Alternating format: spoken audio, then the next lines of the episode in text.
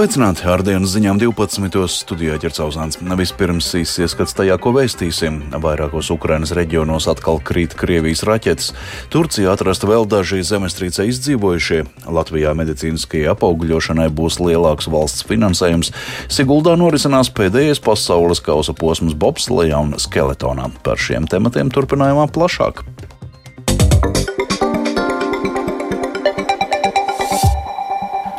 Šorīt Krievija ar raķetēm apšaudīja vairākus Ukrainas reģionus, bet frontē smagākās cīņas turpinās valsts austrumos. Rietumvalstu izlūki apgalvo, ka atsevišķās vietās iebrucēju spēkiem ir izdevies nedaudz pavirzīties uz priekšu. Varakstās Tuldas ķezbers.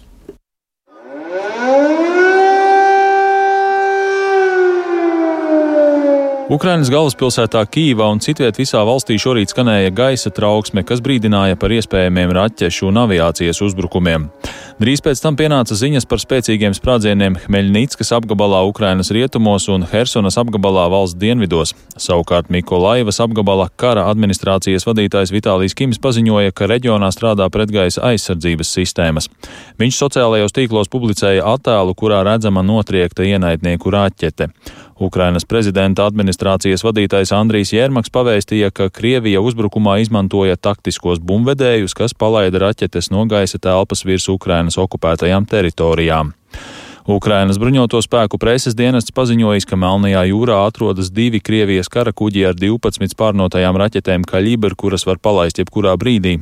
Ukrainas amatpersonas brīdina, ka tuvākajās dienās valsts var piedzīvot jaunus Krievijas raķešu masveida uzbrukumus, jo tuvojas 23. februāris, kad Krievijā atzīmē padomju armijas dienu, un 24. februāris, kad apritēs gads kopš Krievijas pilna apmēra iebrukuma Ukrainā. Postriel!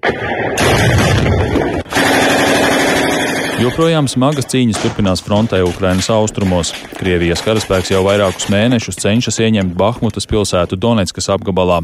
ASV Baltā nama Nacionālās drošības padomes koordinators Džons Kerbijs apgalvo, ka pēdējo dienu laikā Krievijas spēkiem ar algotņu grupējumu Wagner priekšgalā ir izdevies gūt panākumus Bahmutas tūmā. No Šai operācijai, kurā piedalās gandrīz tikai Wagner kaujinieki, nav strateģiskas nozīmes. Pēdējās dienās viņi ir nedaudz pavirzījušies uz priekšu Bahmutā un tās apkaimē, un mēs noteikti nevaram paredzēt, kāds būs iznākums. Taču ir ļoti iespējams, ka viņi viņi varētu gūt panākumus Bahmutā. Kerbijs arī pastāstīja, ka grupējums Wagner ir piedzīvojis milzīgus dzīvā spēka zaudējumus karā Ukrainā. Mēs lēšam, ka Wagner ir zaudējis vairāk nekā 30 tūkstošus algotņu. No tiem aptuveni 9 tūkstoši gāja bojā kaujās. Aptuveni puse no kritušajiem Wagner algotņiem ir nogalināti laikā kopš decembra vidus. Savukārt Lielbritānijas aizsardzības ministrs Bens Volis ir izteicies, ka nekas neliecina par Krievijas gatavošanos tik plaša mēroga ofensīvai, kādu tā veica pērn 24. februārī. Tajā pašā laikā Krievija ciešot milzīgus dzīvā spēka zaudējumus, mēģinot uzbrukt vairākos virzienos frontē, pārsvarā izmantojot slikti sagatavotus un nepietiekami apbruņotus mobilizētos karavīrus. Brītu aizsardzības ministrs prognozējis, ka ar šādu taktiku Krievi frontē varbūt arī pavirzīsies uz priekšu, taču tas notikšot pa metriem, nevis pa kilometriem. Uldis Česberis, Latvijas radio. Šorīt Turcijā glābējiem no zemestrīces sagrautas ēkas drupām izdevās izvilkt vēl trīs izdzīvojušos, kuru vidū bija arī bērns. Tas notika 13 dienas pēc 6. februāra spēcīgajām zemestrīcēm Turcijas dienvidu austrumos un Sīrijas ziemeļrietumos. Līdz šim ir apstiprināta vairāk nekā 45 tūkstoši cilvēku bojājai zemestrīcēs. Simtiem tūkstoši cilvēku palikuši bez mājām, un viņiem ir nepieciešama palīdzība. Turcijas varas iestādes lēš, ka tuvākajā laikā zemestrīču vissmagāk cietušajos reģionos būs jānojauc aptuveni 74 tūkstoši ēku, kuras uzskata par nedrošām.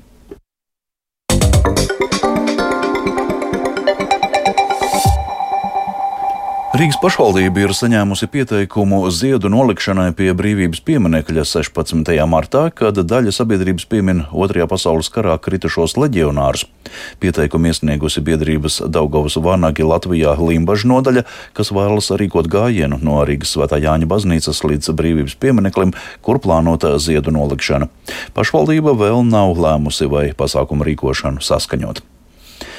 Pērn valsts apmaksātas medicīniskās apaugļošanas programmas rezultātā notikušas 260 dzemdību, tā informē Nacionālais veselības dienests. Taču piedzimušo mazuļu skaits iespējams ir lielāks, jo statistika neietver informāciju par ārvalstīs notikušām dzemdībām vai arī maksas dzemdībām. Plašāk Agnijas Lazdiņas ierakstā. Pagājušajā gadā ir veikti 1024 medicīniskās apaugļošanas pakalpojumi, kas ir par 12% vairāk nekā 2021. gadā. No valsts līdzekļiem apmaksā ārstu speciālistu konsultācijas un vajadzīgos izmeklējumus neauglības diagnozes noteikšanai, pēc kuras tiek uzsākts ceļš uz valsts apmaksātu medicīniskās apaugļošanas procedūru. Ņemot vērā pakalpojuma pieprasījumu, demogrāfisko politiku un citu valstu pieredzi, pērn palielināts vecums, līdz kuram sievietes var saņemt pakalpojumu par valsts līdzekļiem. Proti procedūru šobrīd veids sievietēm līdz 40 gadiem, iepriekš līdz 37 gadiem. Pateicoties vecuma sliekšņa palielināšanai, pieaudzis rindā reģistrēto sieviešu skaits vecuma grupā no 35 līdz 40 gadiem. Kā stāsta Nacionālā veselības dienesta pārstāve Līva Seila, vidēji mēnesī rindā no jauna reģistrējas aptuveni 150 līdz 160 sievietes, kas ir vairāk nekā iepriekšējos gados, kad bija 100 līdz 110 reģistrācijas mēnesī. Pagājušajā gadā tika piešķirts papildus finansējums, kas ļāva saīsināt gaidīšanas rindu pakalpojumu saņemšanai. Iestājoties rindā, vidējais gaidīšanas laiks līdz pakalpojumā uzsākšanai bija mēnesis. Kopš pakalpojuma ieviešanas šis rindas garums nekad nav bijis tik īss, kā tas ir šobrīd. Papildus finansējums ļāva arī gandrīz četras reizes vairāk izsūtīt uzaicinājumu vēstuli, ja mēs salīdzinām ar izsūtīto uzaicinājumu skaitu 2021. gadā. Arī šī gada sākumā, iestājoties rindā, pakalpojumu ir iespējams uzsākt aptuveni mēneša laikā. Tāpat šogad pakalpojumu nodrošināšanai no valsts budžeta plānoti vairāk nekā 2,5 miljoni eiro, kas sniegs iespēju veikt 1400 valsts apmaksātas medicīniskās apaugļošanas procedūras. Klīnikas EGV ginekoloģa reproduktoloģa doktore Gunta Grīnberga uzsver par bērnu ieņemšanu ir jādomā laikus. Tā tendence jau visās klīnikās vien un tāpat, ka sievietes liekas, ka viņām reproduktīvā veselība būs bezgalīga un viņas bērnus varēs plānot pēc tam, kad viss pārējais jau būs padarīts pēc 40. Tas vidējais cilvēku vecums, dzīvošanas vecums jau, protams, pagarināts, bet tas vecums, kad sieviete var palikt stāvoklī, tas nav bezgalīgi. Līdz ar to tie 40 gadi ir tas, nu, patreiz tas tiek uzskatīts, ka tas tā kā tāda robeža, kad um, ar lielāko varbūtību tev būs iespēja, ja ne pašam, tad ar medicīniskās apaugļošanas iespēju palikt stāvoklī un iznēsāt veselu bērnu. Tomēr pacienti ar katru gadu kļūst arvien zinošāki, tostarp apzinās arī to, ka medicīniskā apaugļošana ir tikai varbūtība. Tā stāsta klīnikas embrions vadītājs, ginekologs un vadošais neauglības speciālists dr. Gins Trejs pacienti kļūst arvien informētāki. Tas ir pozitīvi. Ja agrāk bija ļoti daudz jāstāsta par tādām absolūti pamatlietām, tad šobrīd pacienti ļoti informēti par to metodu, informēti par uh, veselības jautājumiem daudz labāk. Valsts apmaksātas medicīniskās apaugļošanas programma Latvijā ieviesta 2012. gadā. Kā liecina Nacionālā veselības dienesta dati, kopumā ir veiktas gandrīz 7000 apaugļošanas procedūras un gandrīz 2500 dzemdības. Pozitīvs procedūras rezultāts novērojams aptuveni pusē gadījumu. Agnija Lazdiņa, Latvijas radio.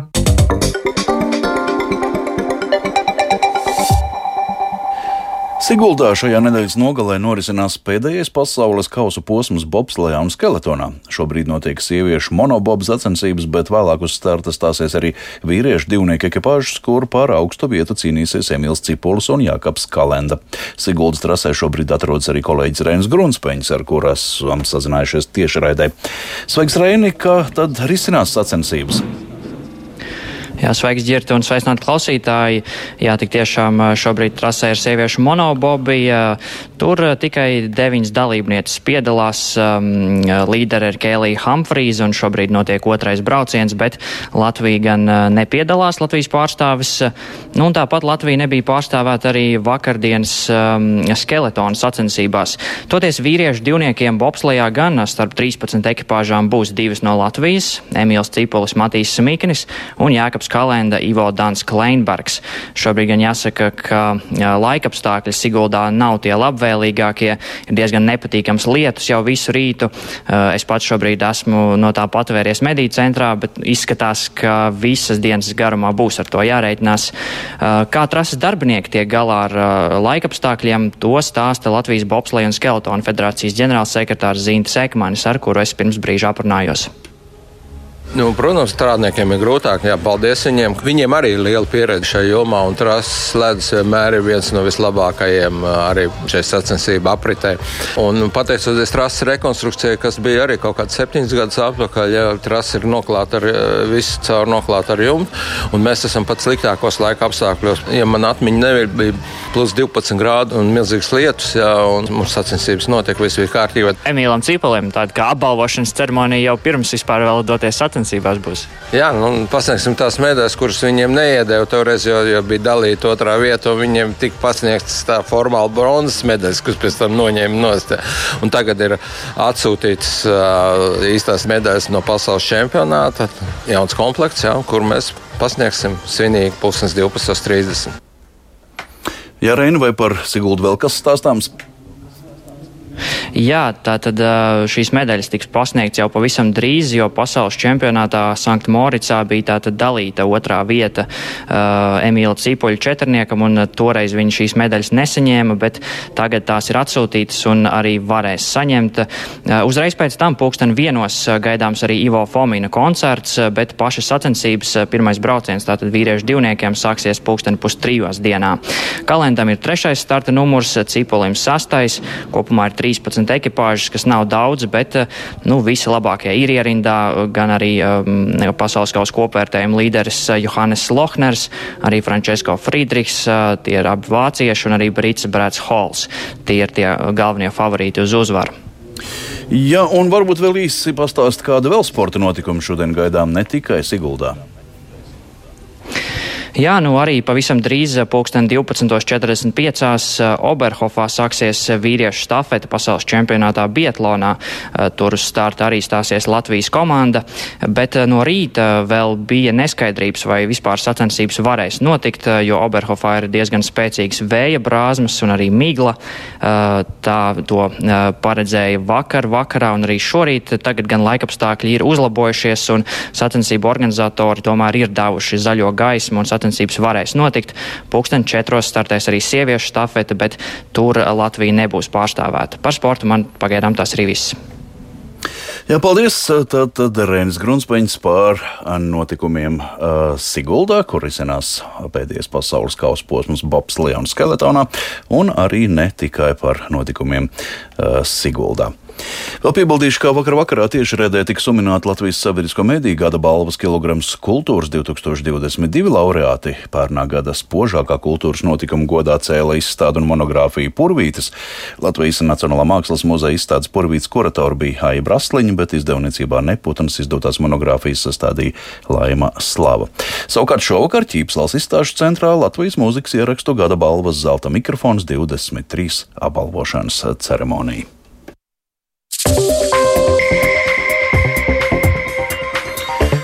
Līdz ar to arī izskan dienas ziņas 12. tās producēja Viktors Pupiks, pār labskaņu rūpējās Uldis Grīnbergs un Mārtiņš Paiglis, studijā Ģercauzāns. Vēl īsts atskats svarīgākajā. Vairākos Ukrainas reģionos atkal krīt Krievijas raķetes. Turcijā atrasti vēl daži zemestrīcē izdzīvojušie. Latvijā medicīniskajai apaugļošanai būs lielāks valsts finansējums. Siguldā norisinās pēdējais pasaules kausa posms Bobslijā un Skeletonā.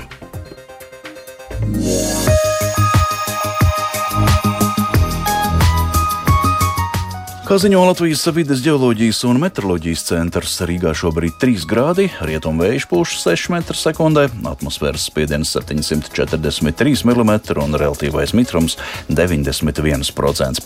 Latvijā šodien mākoņdienas laiks daudz vietā lietus, slapjš sniegs, austrumos arī sniegs, putenis vietām sniega saga pieaugs par 4 cm, ceļa slideni. Brāzmainas rietumu ziemeļrietumu vējš 5-10 m2, jūras piekrastē brāzmās līdz pat 22 m2 gaisa temperatūra 1 līdz 5 grādi. Rīgā apmākusies diena, palaikam lietus, slapjš sniegs un brāzmains vējš līdz 19 metriem sekundē. Gaisa temperatūra Rīgā 2 līdz 4 grādi.